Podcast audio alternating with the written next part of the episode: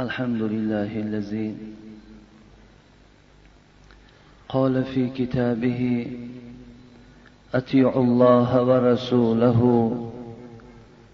ولا تتولوا عنه وأنتم تسمعون. ولا تكونوا كالذين قالوا سمعنا وهم لا يسمعون. والصلاة والسلام على رسوله قال في خطابه لا تسبوا أصحابي. ولو أن أحدكم أنفق مثل أحد ذهب ما بلغ مد أحدهم ولا نصيفه. وعلى آله وأصحابه والتابعين إلى يوم الدين. السلام عليكم ورحمة الله وبركاته. پیش از آنه که موعظه امروز را آغاز کنم و موعظه امروز دوام جمعه های گذشته هست از حیات و فعالیت حضرت عمر رضی الله عنه اولا همه شما را برادرای عزیز و گرامی مادران و خواهران روز سید عید فیتر تبریک و تحنیت می‌گویم و از خداوند خواهان او هستم که همه آن عبادت و روزه‌ای که در این ماه از جانب خدا همگی را قبول بگرداند و خدای مهربان همه شما را باز تا عید فطر آینده صحت و سلامت خداوند نگه دارد. هر آرزو و امیدهایی که در دل دارین خداوند اگر نیک باشند برآورده بگرداند. گذشتگان همه ما و شما را خداوند رحمت و مغفرت گرداند. بیماری ها شفای کامل نصیب بگرداند و همه مسافرانی که از جانب ما و شما از جانب این مردم تاجیکستان وجود دارند خداوند صحت و سلامت به خاندانشان برساند. آمین یا رب العالمین. حبیب خدا محمد صلی الله علیه و سلم در حدیث مبارک فرمود چگونه که من در خطبه برای شما خواندم لا تسبوا اصحابی ولو ان احدكم انفق مثل احد ذهب ما بلغ مد احدهم ولا نصیفه. ای امت مسلمان ای بندگان خدا حبیب خدا تأکید می‌کند. لا تسب اصحابی به اطراف های من به اصحاب من به همنشین های من به چهاریارهای من چقه نشوید.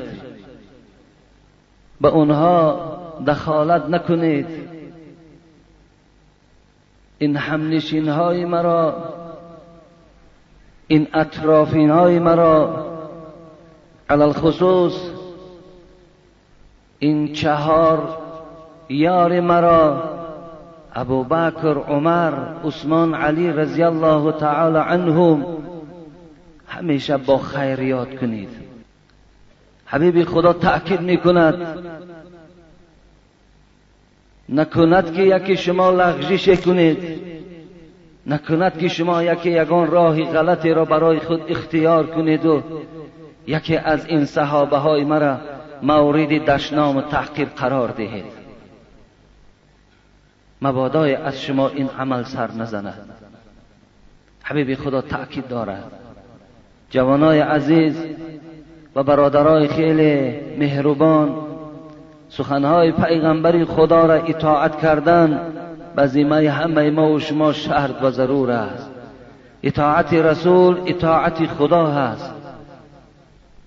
عاصی شدن رسول عاصی شدن نزد الله است. همیشه صحابه های پیغمبر نام اونها را شنیدن برابر. شما باید که درود و رحمت خدا بر روح اونها باد. از زبان شما باید که صدا دهد. رسول اکرم صلی الله علیه و سلم لا تمت لا تمس النار مسلما رآنی. او رأى من رآنی. هیچ وقت آتش دوزخ نزدیک نمی شود به شخصی که اگر وی چهره مرا دیده باشد. حبیب خدا می‌گوید هیچ وقت آتش دوزخ به آن مردها و زنهایی که چهره مرا دیدند و در صحبت من نشستند آتش دوزخ برای اونها حرام است. شما تصور کنید که این چهار یار پیغمبر هیچ وقت از اطراف پیغمبری خدا جدا نبودند. همیشه با حبیب خدا محمد صلی الله علیه و سلم بودند. در دوام گفتن حبیب خدا یا کسانی که دیدن صحابه های مرا اینها هم آتش دوزخ کار ندارد مقصد تابعین است. آن کسانی که باز کسانی را دیدن که آن کسان رسول اکرم صلی الله علیه و سلم دیدن ابو سعید خدری می‌گوید که حبیب خدا گفتن ما من نبی الا وله وزیران من اهل السماء و من اهل الارض. هیچ پیغمبری نیست که دو وزیر در آسمان و دو وزیر در بالای زمین نداشته باشد. همه پیغمبرها همراه خود دو وزیر از آسمان و دو وزیر از اهل زمین داشتند. و اما وزیرای من اهل السماء فجبرائیل و میکائیل حبیب خدا گفتند امت اسلام برای شما وزیرهای خودم را اعلان می‌کنم. وزیران من از آسمان این جبرائیل و میکائیل بود. و اما وزیرای من اهل الارض فابو بکر و عمر رضی الله عنه. لیکن وزیرهایی که در روی زمین داشتن اینا ابو بکر و عمر بودند اینا وزیرای پیغمبری خدا بودند همیشه با پیغمبری خدا بودند عبدالله بچه حضرت عمر می‌گوید رسول اکرم صلی الله علیه و سلم یک روز وارد مسجد شدند و ابو بکر و عمر معه. همراه ابو بکر بود و همراه عمر رضی الله عنه بود. احدهما عن یمینی و الاخر عن شمال. عبدالله ابن عمر می‌گوید حضرت ابوبکر از جانب راست بود و حضرت عمر از جانب چپ رسول اکرم بود.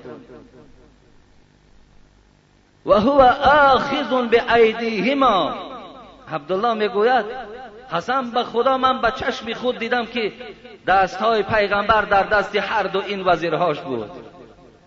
دست چپ در دست راست حضرت عمر دست راستش در دست راست حضرت عمر. در بین مردم چی گفت؟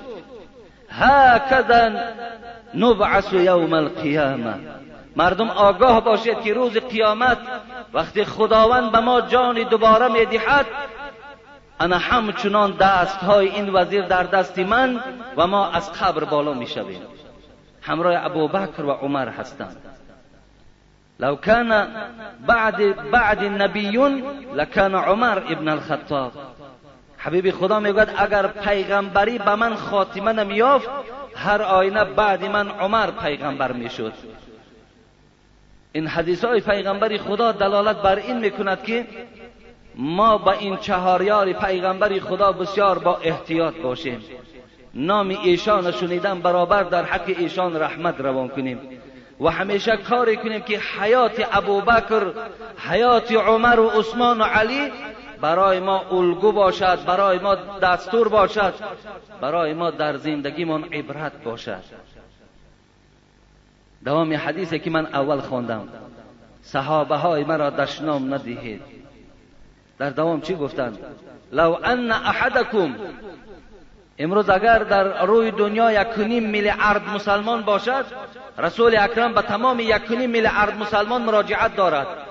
اگر ای مردم مسلمان اگر شما مثل کوی احود یک کوی خیلی برجسته و بزرگ از تیلا اگر در راه خدا صدقه کنید ما بلغ مد احدهم ولا نصیفه. شما در ثواب و پاداش برابر نیم تنگه که صحابه های من در روی خدا خیر کردن برابر شدن نمی‌توانید. نیم تنگه که در راه خدا خیر کردن اگر مثل کوی احد خیر کرده باشین در ثواب و در پاداش به اونها برابر شدن نمی‌توانید. اونا مسلمان های اصیل بودند اونا مسلمان هایی بودند که همه عملشان خالص از برای پروردگارشان بود. امروز اگر ما صدقه هم که کنیم حتمی در صدقه من یگان کسی را شریک میگردانیم. حتمی او را باید که از روی ریا انجام دهیم. پیغمبر خدا این با نور نبوت فهمیدند و گفتند که هیچ وقت صدقات شما و صدقات صحابه های من برابر شدن نمی‌تواند. من در اول این سخن برای چی یاد کردم؟ چگونه که در حضرت ابوبکر برای شما گوشزد کرده بودم. برادرای عزیز و گرامی شاید که کسانی پیدا شوند و نسبت این چهار یار پیغمبر خدا سنگ زنند اینها را زیر مورد محاکمه قرار دهند. از حیات اینها خطایی های اینها را در بین مردم فاش کنند. لیکن ما استاده و گوش اندازیم و خدا قسم ایمان ما و شما کامل نیست. خاموش نیستادن من معناش این است که ما در جواب او باید که رد داشته باشیم اونها را قبول نسازیم. اونها را هیچ وقت در این سخنهای تحقیر آمیز و نادرست هیچ وقت باید پیرو نشویم.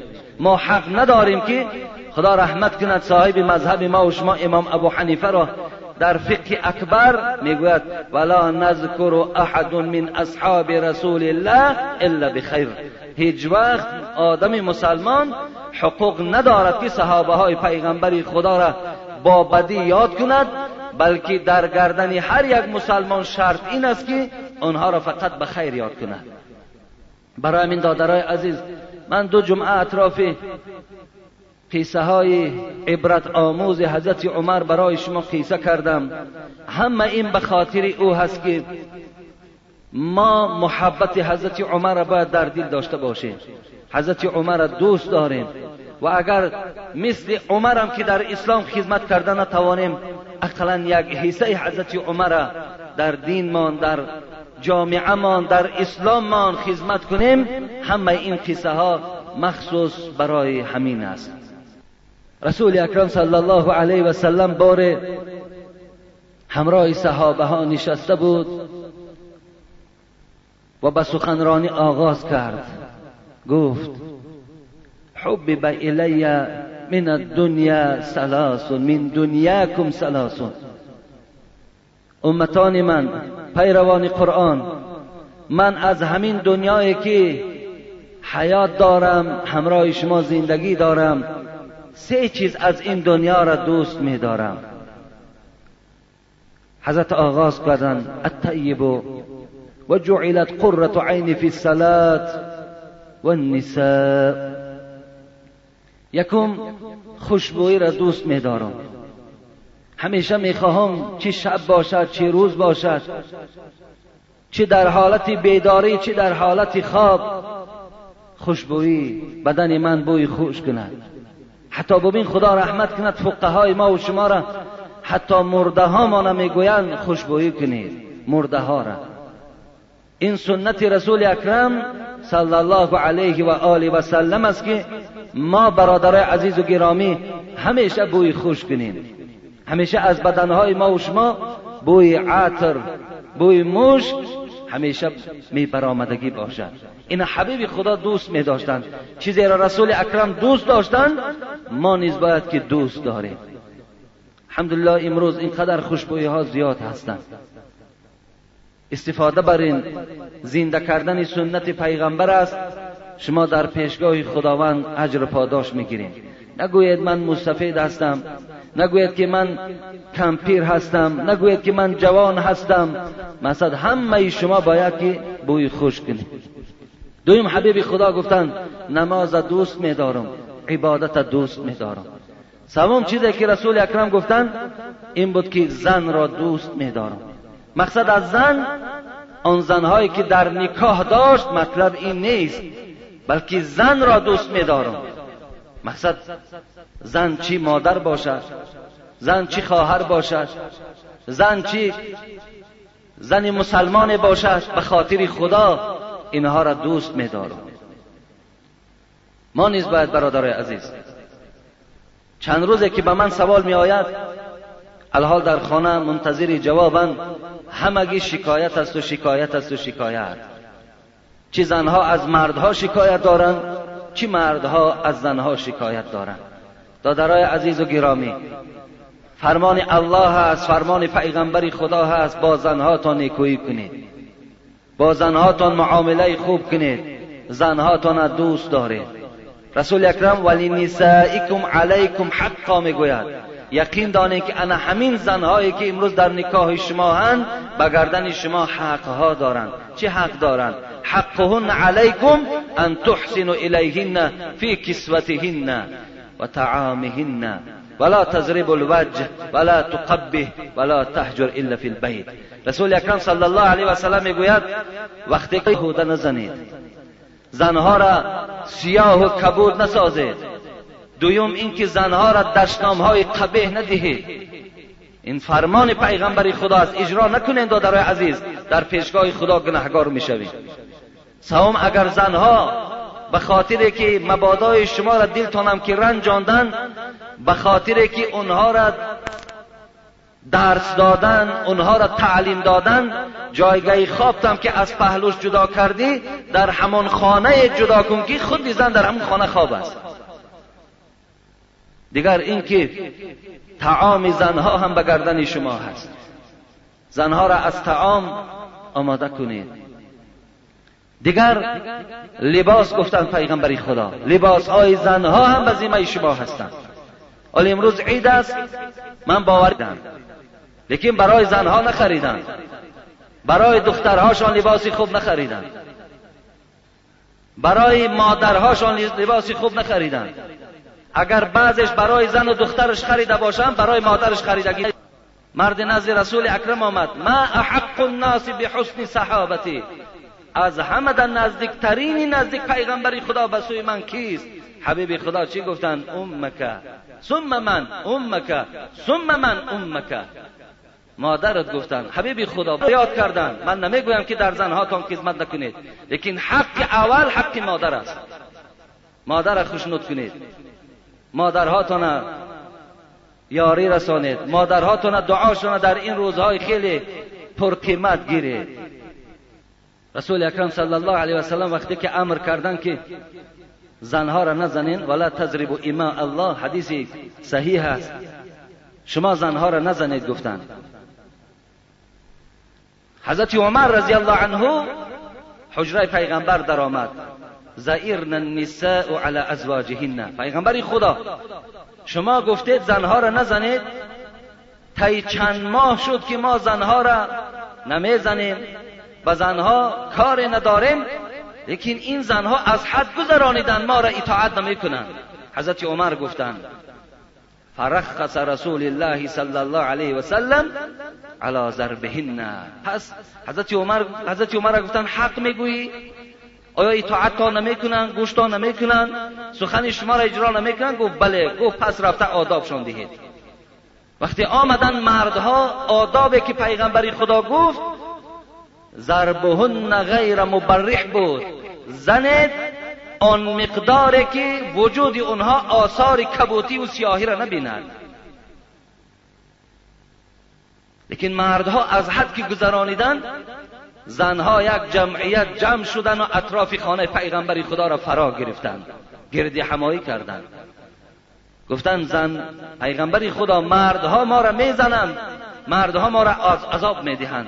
رسول الله در بین صحابه ها برآمده اعلام کرد کدام زنی که اگر از پشت شوهر خود شکایت می‌کند شوهر او بهترین مؤمن به شمار نمی رود اینم رسول اکرم صلی الله علیه و سلم گفتند به این خاطر رسول اکرم زن دوست می داشتند به خاطر حرمتش به خاطر شهوترانی نه اگر پیغمبری خدا آدم شهوتران می‌شد همه زنهاش بیوه نمی‌شد همه زنهای او بغیر یک عایشه کلا همش بیوه بودند صاحب پنج فرزند و دو فرزند و سه فرزند بودند اگر پیغمبر خدا شهوت می‌کرد هر زنی که می‌گرفت دختری با کیره می‌گرفت. لیکن کلا همش بیوه بودن. از این خاطر رسول اکرم به خاطر مادر بودن به خاطر زن بودن اونها را احترام می‌کردند. حضرت ابوبکر در این مجلس اشتراک داشتن از جای خود خیستن گفتن ای حبیب خدا منم سه چیز را دوست میدارم. گوش اندازه این که صحابه پیغمبر چی چیز را دوست می داشتند دادرای عزیز دوست داشتن اونها را امروز به دوست داشتن خودتان مقایسه کنید. شما چی را دوست می دارین امروز؟ اگر شما را پرسند چی را دوست می دارین باور کنید من قسم می‌خورم به خدا که در فکر شما آن چیزی که در فکر این صحابه ها گذشته بود در فکر شما نمیگذرد ببین ابوبکر صدیق چی گفت؟ النظر الى وجه رسول الله. یکم چیزی که دوست میدارم این است که هیچ وقت چشم ها از این چهره مبارک تو جدا نسازم. همیشه چهره مبارک تو را تماشا کنم. ببین دویم چی را دوست میداره ابو بکر. انفاق مال علی رسول الله. دوست میدارم که تمام دارایی که دارم تمام بایگری که دارم در بغل تو ای حبیبی خدا اونها را ریزم و این تو در راه اسلام صرف کنی. سوم چی را دوست میداری ایکون ابنتی تحت رسول الله دوست میدارم که یکی از دخترهای محبوب ترینم که عایشه است در نکاح تو باشد ببین سه چیز ابوبکر صدیق دوست می داشتن حضرت عمر رضی الله عنه از جای خود خیست ببینه. گفتن حبیب خدا منم سه چیز را دوست می دارم چی را دوست می داره الامر بالمعروف. و نهی عن المنکر و ثوب الخلوق. حضرت گفتن حبیب خدا من دوست می دارم چی را دوست می داری امر معروف دوست می دارم باز چرا دوست میداری؟ نهی منکر دوست میدارم. باز چرا دوست میداری؟ دوست میدارم که لباس هم همیشه از پارگی عبارت باشد. این سه چیزی بود که حضرت عمر دوست می داشتند ببین امروز بعضی برادرای ما و شما باور کن تا جایی که امر معروف و گوش کند صدای را گوش می‌کند که این گوش ها همش مسئولیت در پیشگاه خدا دارند. اینا در پیشگاه خدا جواب می‌گویند. عمر امر معروف دوست میدارد. عمر نهی منکر دوست میدارد. عمر لباس پارگیدار دوست میدارد. چرا ما دوست نداریم؟ مالش امروز لباس پارگیدار را نمیپوشیم ما و شما. اکن اون تقوایی را که خدا عمر داده بود هیچ وقت ما و شما را دادگی نیست. لیکن حد اقل امر معروف دوست داریم نهی منکر دوست داریم. اگر دوست نداریم والله که حدیث پیغمبری خدا هست. والذی نفسی بیدی. قسم به خدا گفتن. لتأمرون بالمعروف ولتنهون عن المنكر أو ليوشكن الله أن يبعث عليكم عقابا منه ثم تدعونه فلا يستجاب لكم رواه مسلم. این روایت مسلم است. حبیب خدا گفت در کدام خانه در کدام محله در کدام شهری که امر معروف و نهی منکر قطع شد قسم به خدا که در اونجا عذاب پروردگار می آید قسم به خدا گفتند عذاب پروردگار در اون خانه و در اون ناحیه و در اون مملکت میریزد. حبیب خدا گفتن ثم ثم تدعونه اون حالت پشیمان می‌شوین. دستاتان می بردارین دعا می‌کنین که خدایا این عذاب بردار. فلا یستجاب لکم. خدا دیگر دعای شما را نمیشنود. خدا دعای شما را دیگر قبول نمی‌کند. این سخن پیغمبری خدا هست. حضرت عمر این سخنها را می‌دانست. به این خاطر موعظه را دوست می داشت موعظه را احترام می کرد خدا رحمت کند صوفی علیا را می گفت بهترین عمل که موصوف است نهی منکر و امر معروف است. بهترین عملی که در پیشگاه خدا پاداش دارد اجر دارد چیز شنیدن سخن خدا هست. شنیدن آن چیزی که خدا نهی کرده است اونها را شنیدن است. دادرای عزیز همیشه با امر معروف باشید همیشه نهی منکر گوش اندازیم. این برای شما به خدا قسم تبابت است. الا بذکر الله تطمئن القلوب. خدا در سوره رعد می‌گوید کدامت اگر می‌خواهید که به کسل دل مبتلا نشوین یا کدام تو امروز کسل دل دارین بهترین تبابت برای شما این است که امر معروف و نهی منکر گوش کنید. این دلهای شما را تبابت می‌کند. این جسم های شما را تبابت می‌کند. این عصب های شما را تبابت می‌کند. هر جینه که در وجود شما هست و شنیدن امر معروف جین از وجود شما دور می‌رود. با امر معروف باشین با نهی منکر باشین. همین یک طبق نام کردی چهار کسم فیراد کردی. کاری کن که در بین یک علم اهل علم باشد. یک حدیث پیغمبر خدا را اقلا در گرد دیگه که تو کردی و در گرد همون طبقه که تو داری. موعظه کند ان اون پاداشش دیگر است اون اجرش دیگر است. حضرت عمر امر معروف دوست می داشتند نهی منکر دوست می داشتند. بار حضرت عمر می گوید نزد حبیب خدا آمدم و استعزنت للعمره در مدینه بودیم. از پیغمبر خدا گفتم حبیب خدا اجازتم نمی‌دهی که حج عمره روم حج عمره. حج فرضی نه. حج فرضی را حضرت کرده بودن. حج عمره روم حج عمره هم سنت است. حج عمره در هر یک ماهی که رویم درست می شود. فقط سعی صفا و مروه دارد فقط تواف دارد. مقصد عرفات ندارد چگونه که در حج فرضی فرض است. در تمام سال این سنت است. که که روین ان شما ثواب می‌گیرین. اگر شرایطاتان باشد. آمدم پیش حبیب خدا و گفتم ای حبیب خدا می‌خواهم که حج عمره روم در حدیث بسیار با دقت باشین. چی گفتم؟ پیغمبر خدا حضرت عمره. لا تنسنا يا أخي من دعائك فقال كلمة ما يسرني أن لي بها حضرت عمر گفتن وقتی که من اجازتی حج عمره را از پیغمبر خدا درخواست کردم رسول اکرم چنان جواب گو قسم به خدا اگر تمام دنیا را در عوض این کلمه باور می‌دادند من قبول نمی کردم تمام دنیا را به تمام قصرش به تمام زیور و زیوراتش اگر می‌دادند من به این جمله که پیغمبری خدا گفت هیچ وقت عوضش نمی‌کنم. این چی جمله باشد؟ لا تنسنا یا اخی من دعائک عمر گفتن راهی سفید برای تو. رو گفتن حج عمره را بکن لیکن در دعات محمد فراموش نکن. ببین لیکن در دعات وقتی تواف کردی و در عبادت نشستی محمد که حبیب خداست در دعات و یاد کن در حق محمد دعا کن. این از این خیلی بزرگی است برادر عزیز.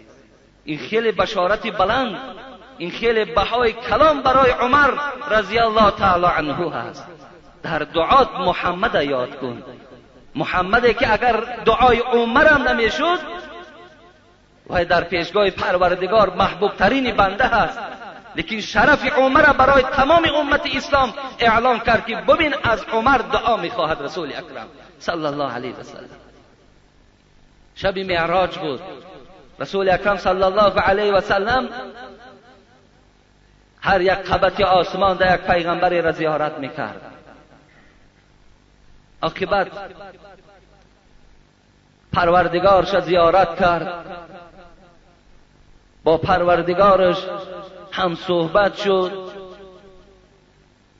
بعد هم صحبت شدن اجازت گرفتن که با همراهی جبرائیل جنت و دوزخ سیرش دهد.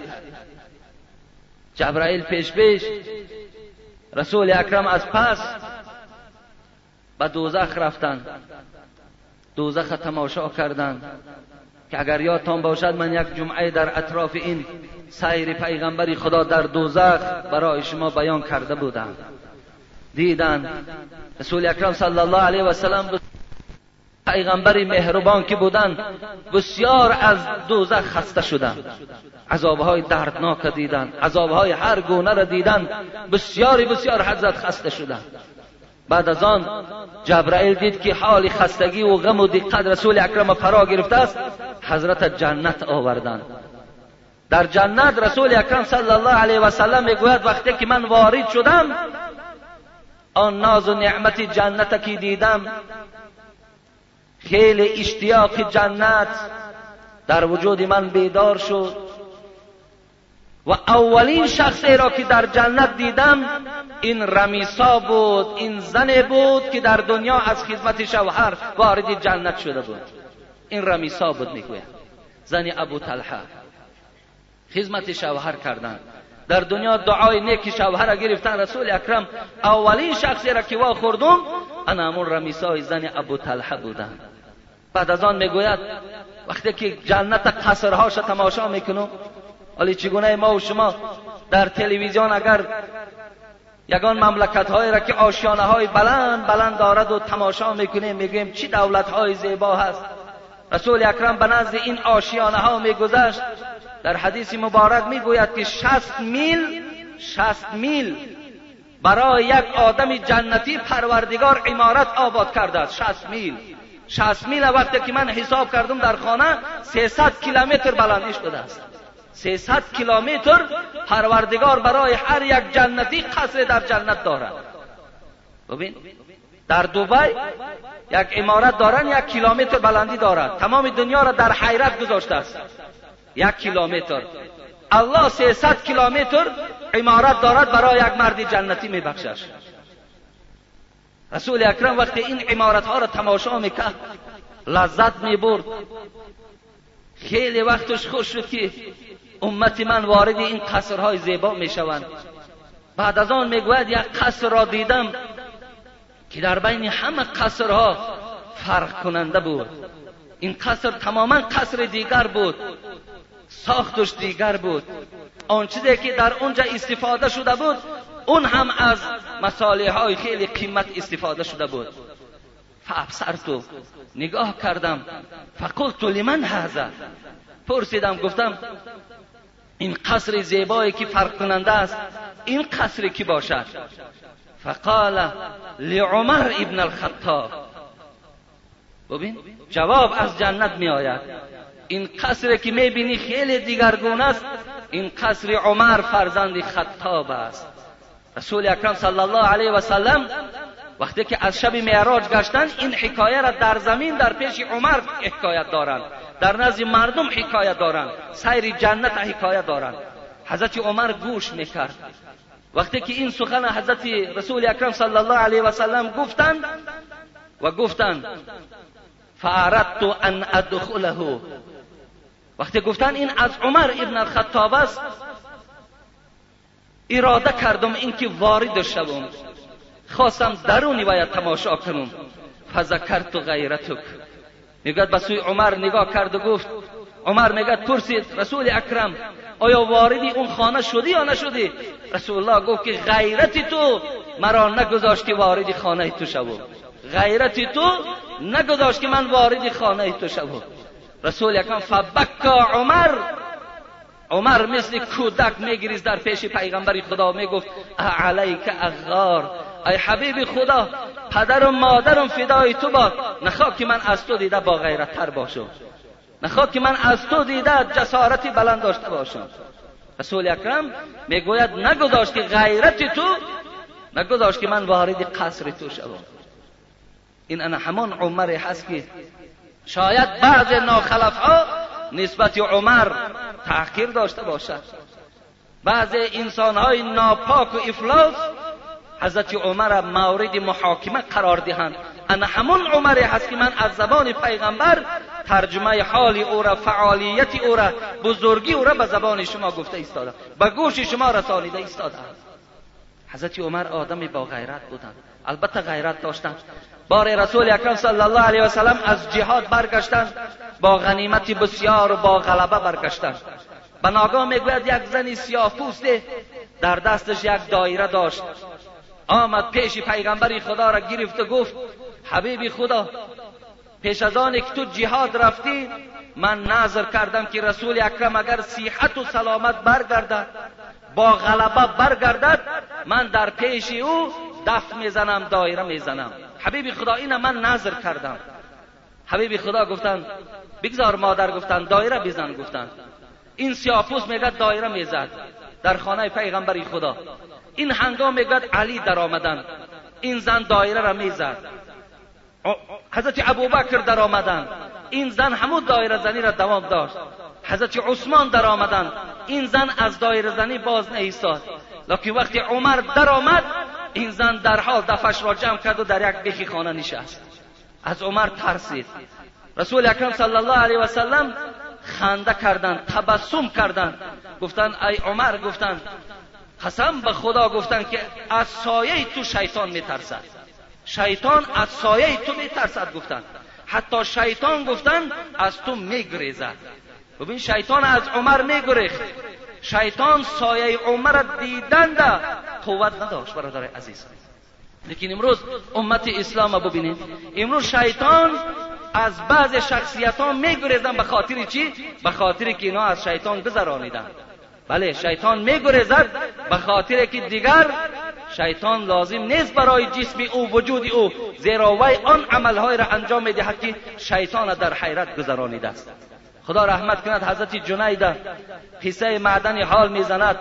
مولوی حضرت جنونی چونین نقل است اندر ساعتی روز جنید اندر ره می‌رفت با سوز. دوستای خدا با سوز می‌رفتند در قضای راه هر طرف این خیل زنای بیگانه و زنای هر گونه را تماشا کردن می‌رفتند هر خانه در مثل گاوی بیشاخفن نمی در آمدند در راه ها سوخته سوخته می‌رفتند در فکر خدا بودند به دید اون ملعون شیطان.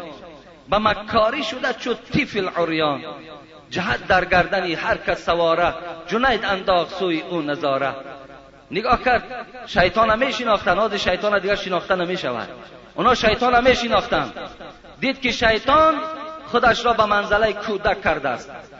و کودک چکل است؟ هر یک آدم کودک که بیند حتمی یک سری و دستمال می‌کند یک دوستداری می‌کند. شیطان می‌دانست که خودش به کی مبدل کند. و هر یک شخص می آمد این طفل می برداشت. نمی‌دانست که این شیطان است. بوسه می‌زد به او پیسه می‌داد به او غذا می‌داد. جنید که وی شناخت به او نظاره کرد. گفت عیب نمیدانی.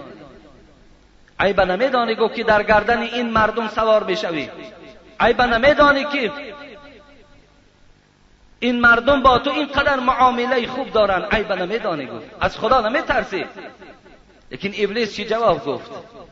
جواب ابلیس ببینه بسیار جواب قابل قبول به جنید گفتن. جواب گفتن که جنید دیگر عاجز آمدن. بگفت ابلیس مردم نیست اینها. چو و خرچران در روی دنیا. اینایی که می‌بینی من سوارشان می‌شوم اینا را تو گفت آدم نگو اینا را مردم نگو. اینا کسانی هستند که چوگا و خرچران در روی دنیا. بود مردم همان قوم جگرش که رای حق پرستی کرده در پیش. آجا تو مردم گفت جنای تو هستی. هر یک دم میسوزی هر یک دم در یاد خدایی هر یک دم در فکر قیامتی. آینا پروای قیامت هم ندارن پروای گور هم ندارن. بعضش آنقدر به انصاف است که زنده شدنی در قبر باور ندارد اگرچه نمازم که خواند. ولی این حقیقت دارد. باور کنین بعضش نماز می‌خواند قیامت در باور ندارد. زنده شدنی در قبر و عذاب و راحتی قبر در باور ندارد. شیطان گفت جنید گفت هیچ وقت نگو این خیلی اون مردمی که با تقوا هست خدا ترس است به اونا من چقه نمی‌شوم من قوتم ندارم به اونا نزدیک شوم. لیکن اینهایش که از من گذرانیدن اینا همش گاو و خری من هستن من اینا را سوار می‌شوم. ایرا معدن حال می‌گوید. یکی از من نرنجد یگان کس. هرچی می‌گویم سخن عزیزها هست سخن خدا و پیغمبر است. به خدا قسم هیچ کدامش سخن من خودم نیست. حضرت عمر غیرت داشتن رسول اکرم گفتن شیطان از تو میگریزد ای عمر. عمر غیرت داشتن که وقتی عمر عمر ابن العاص ببینین میری شری میسر شد. در مصر میری شهر بود حضرت عمر در خلافت بودند سردار بودند رئیس بودند کلان بودند همه اونها در زیر اطاعت حضرت عمر بودند بار عمرو ابن العاص بچه داشت به نام محمد این حکایه را این قصه را انس ابن مالک می‌کند می‌گوید بار در پیش حضرت عمر نشسته بودم انس ابن مالک می‌گوید این صحابه پیغمبر خدا هست. به ناگاه می‌گوید یک شخص دروازه حضرت عمر کشاد همون کابینتی که حضرت عمر اتاق کارش بود. و خودش را می‌گوید در زمین پرتافت و داد و وای گفته عمر به دادم برس. عمر جان مرا خلاص کن گفتن.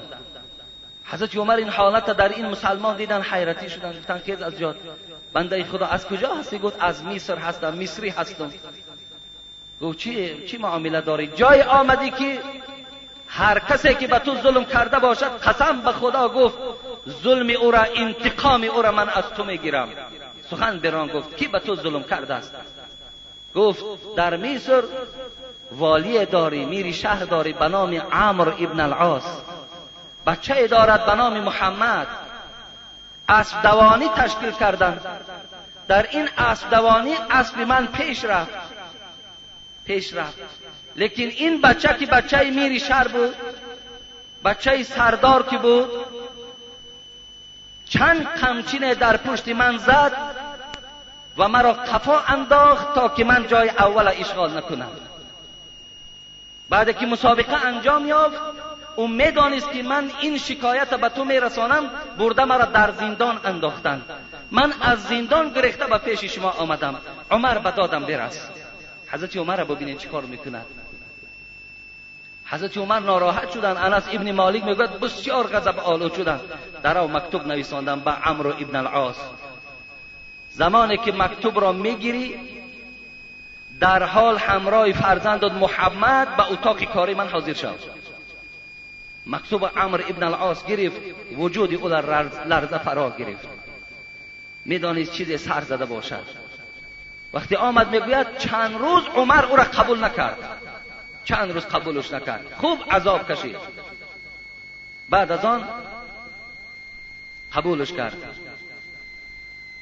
اول عمرو ابن العاص در آمد فرزندش ندید کمی توقف کرد نگاه کرد که بچهشم در آمد انس ابن مالک می‌گوید من نزد حضرت عمر بودم گفت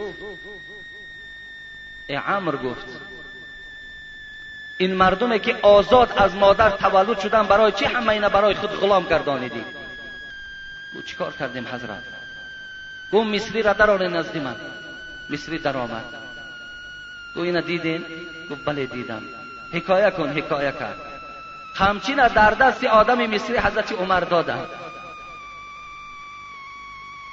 محمد بچه را در تنه خرما ببند.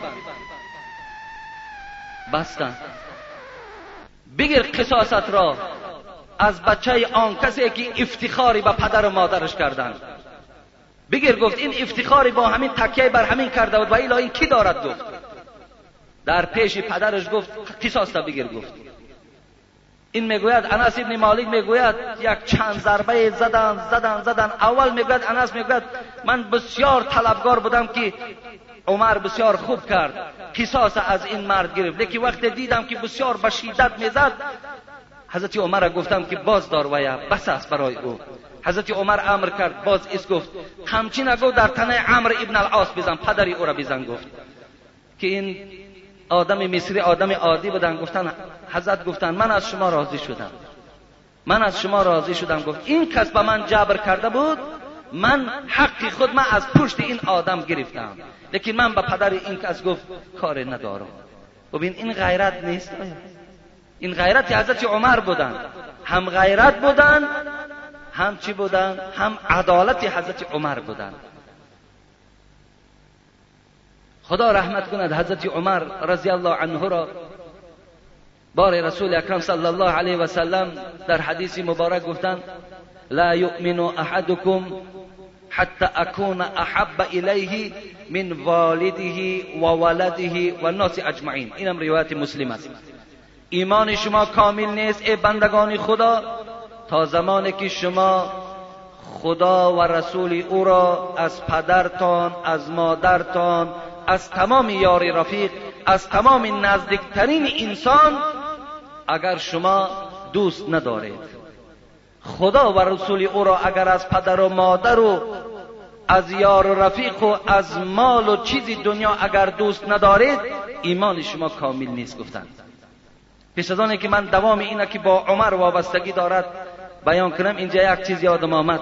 ببین رسول اکرم می‌گوید اگر شما خدا و پیغمبر را از پدر و مادرتان از فرزندهایتان از تمام مردم از آن چیزی که در خزینه داری دوست نداری ایمان تو ایمان کامل نیست. ایمان تو ایمان کامل نیست. برادرای عزیز و گرامی حق است این. این حق است. زیرا رسول اکرم در دیگر حدیث مبارک می‌گوید که تا زمانی که اگر ما خدا و پیغمبر از اینها دیده بالاتر دوست نداریم ما حلاوت ایمان چشیده نمی‌توانیم. شیرینی ایمان ما حس کرده نمی‌توانیم. دیگر این که برادر عزیز و گرامی چرا ما الله را دوست نداریم؟ الله که به بندگانش مهربان است. الله که بندگانش نوازش می‌کند. الله که در قرآن سوره رعد می‌گوید له معقبات من بین یدیه و من خلفه یحفظونه من امر الله. ببین پروردگار می‌گوید من شما را ای بندگان خدا ای مخلوقات دوست میدارم به خاطر دوست داشتن برای شما چهار ملائکه را پاسبان پرتافتم. ببین چهار ملائکه شما را شب و روز محافظت می‌کنند شب و روز. مفسرای قرآن میگن دو تا این کرامن کاتبین است که نیکی ها و بدی های شما را می لکن دوی این از پیش و از پس تو همیشه تو را محافظت از ضرر جن ها می‌کند. تا که جن ها به شما ضرر نرساند. برادرای عزیز گرامی آیا این مهربانی نیست؟ یک پدر و مادر یا یک یار رفیقی که یا اگر یک پاسبان یا هم تلخیو که می‌گویم اگر در ما باشدن اونا شب خواب می‌کنن. لیکن اینا خواب نمی‌کنن. همه زمان اونا بیدار هستن بندگانش چکار می‌کنند پاسبانی می‌کنند ببین ما تا این اندازه در بعض مورد انصافمان از ما دور است که برای همون پاسبان هایی که جدا کردیم دو کس باشد سه کس باشد شاید کمترین صد دلاری جدا می‌کنیم. صد دلار هر یک سری پاسبانه برای که مرا محافظت می‌کند که یگان شخص بر من نزدیک نشود برای اونا جدا می‌کنیم. لیکن همون انسان برای همین پاسبان هایی که خدا از ضرر جن نگاش می‌کنند اگر رو صد دلار در راه خدا تی نمیتد باور کن. صد دلار در راه خدا خیر کن برای خاطر همین پاسبان هایی که تو را از جن نگاه می‌کنند. این پاسبان های دنیا که بخیر از بسیار دیدیم شخصایی که پاسبان داشتن پاسبانش هم از دنیا گذشت خودشم از دنیا گذشت. پاسبان ها پیش راش گرفتن نتوانستند لیکن این محافظت های پروردگار؟ تو را از ضرر جن نگاه می‌کنند تو را نمی‌گذارند که جن ها در وجود تو درآیند شما را تیکه تیکه کنند و شما را بیهوش و شما را بیمینه و دیوانه کنند پروردگار میگه این مهربانی پروردگار است. مهربانی خداوند است که و این لکم فی الانعام لعبرتن. ببین خداوند در سوره مبارکه چی می‌گوید؟ می‌گوید ای مردم مسلمان من از شما خدای مهربان. شما نظر کنید در چارپاها می‌گوید. نظر کن در گاو گاو نظر کن می‌گوید. و این لکم فی الانعام لعبرتا نسقیکم من بین نسقیکم من بطونه من بین فرس و دم لبنا خالصا سائغا لشاربین. پروردگار می‌گوید ببین من چگونه مهربان هستم که از داخل شکم که پر از نجاست و پر از خون است. از داخل او برای شما شیری صاف تازه ببوی برای شما بیرون می‌کنم تا که شما نوشین ببین یک ماه رمضان اکثریت شما به شیر گاو رمضان گذرانیدین چه از سحر اکثریت شما چه از گرسوز و چه از شیرچای چه از دیگر نمودهایی که با شیر می شود شما استفاده بردین. پروردگار می‌گوید منم آن خدایی که از داخل این برای شما شیر بیرون بیرون کردم. تا که شما خورین تا که شما قوت گیرین تا که شما پروردگارتان چیکار کنین؟ پروردگارتان شناسید البته این چی هست؟ اینها مهربانی پروردگار هستند.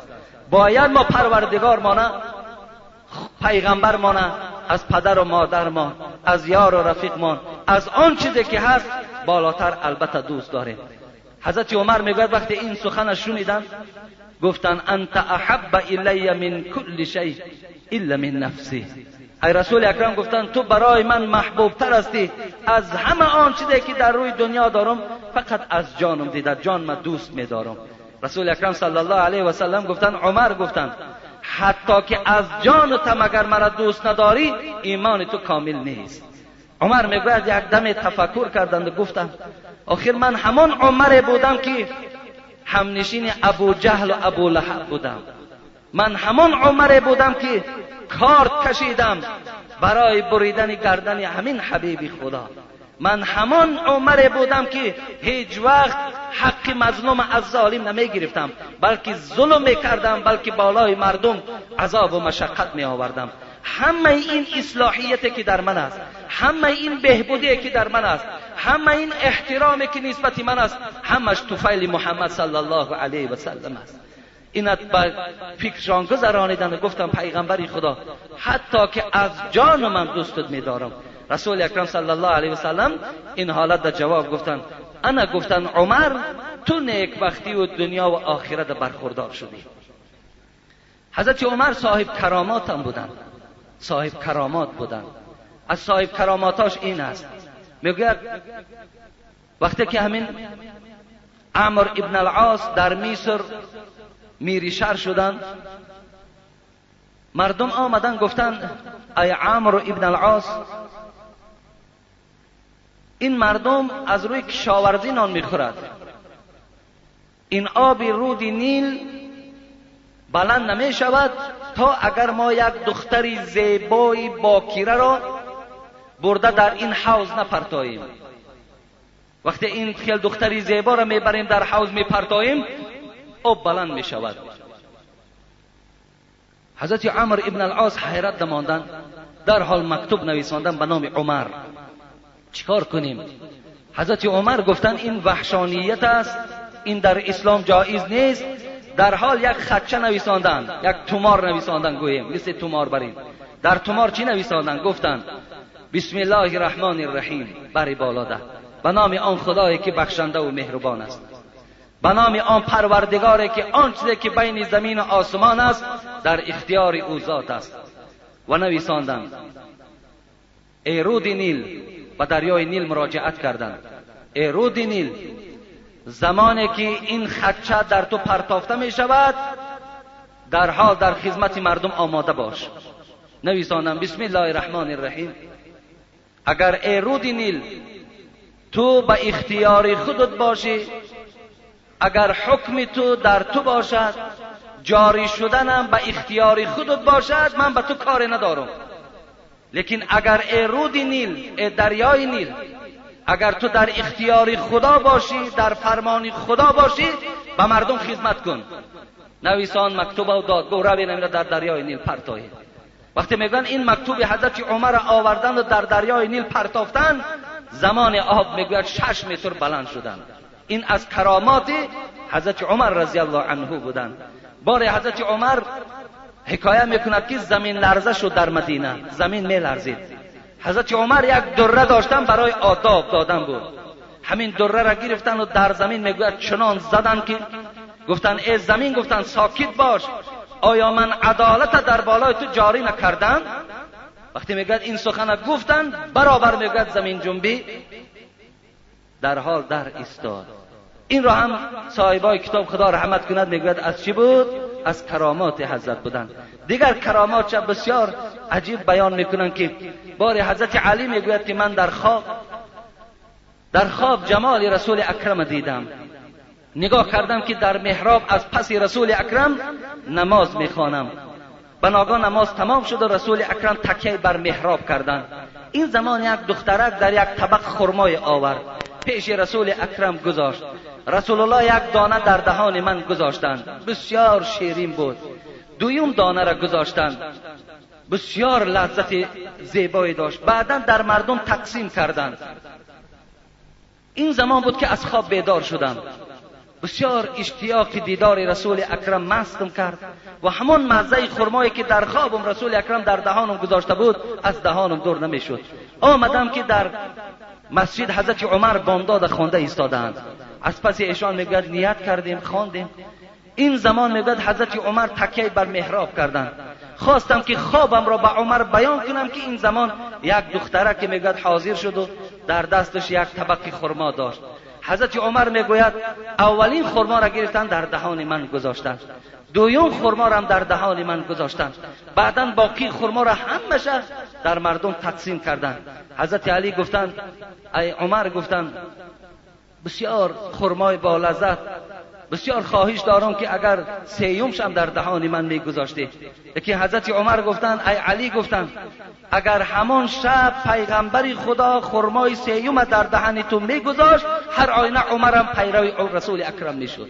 لیکن مادامی که رسول اکرم دو خرما در دهان تو گذاشت منم پیرو رسول اکرم صلی الله علیه و سلم است. حضرت علی میگه گریان شدن گفتن آیا وحی قد نشده است؟ نه گفتن ایمان کامل است. گاه پروردگار این گونه الهام و کرامت برای بندگانش نصیب میگرداند این بود از بعض کرامات هایی که حضرت عمر رضی الله عنه صاحب بودند.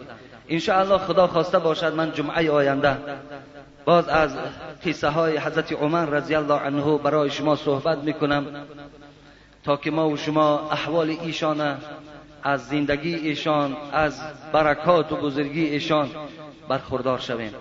برادرای عزیز فردا عید است. چگونه که در اول همه شما را ما تبریک کردیم. خدا خواسته باشد کوشش می‌کنیم که تا ساعت های هشت یا در ساعت هشت نماز عید البته خانیم اگر حیات باقی باشد. لکن فقط تا نماز عید صدقه های فطرتان برادرای عزیز گرامی ادا کنیم. بعد از آن سحر پیش از آمدن چیز خورده بیاییم. به مسجد و لباس های تازه پوشیدن خوشبوی ها را استفاده بردن کوچه ها را تازه و ها را تازه کرده و همه اینها همین روز عید به هر کدام ما و شما سنت است که البته اجرا کنیم. اگر مبادای کدام تو با کدام ملالی داشته باشین قهرگی داشته باشین رفته با یکدیگر آشتی کنین قهرگی ها را دور کنین که شما از نماز عید و از ثواب روزه محروم میمانید. این حدیث پیغمبری خدا هست. و این خاطر وی رازگی می‌دهد نمی‌دهد. یا یگان آدم تکبر و گردن سخت است به هر حال شما از برای خدا به خاطر ماهی مبارک به خاطر نماز عید چیکار کنین? یک سلام علیک و یک بخشش طلبی بین یک دیگر کنین. اگر چی وایم که نبخشد ان شما در پیشگاه پروردگارتان پاداش بلندی را نائل می‌شوین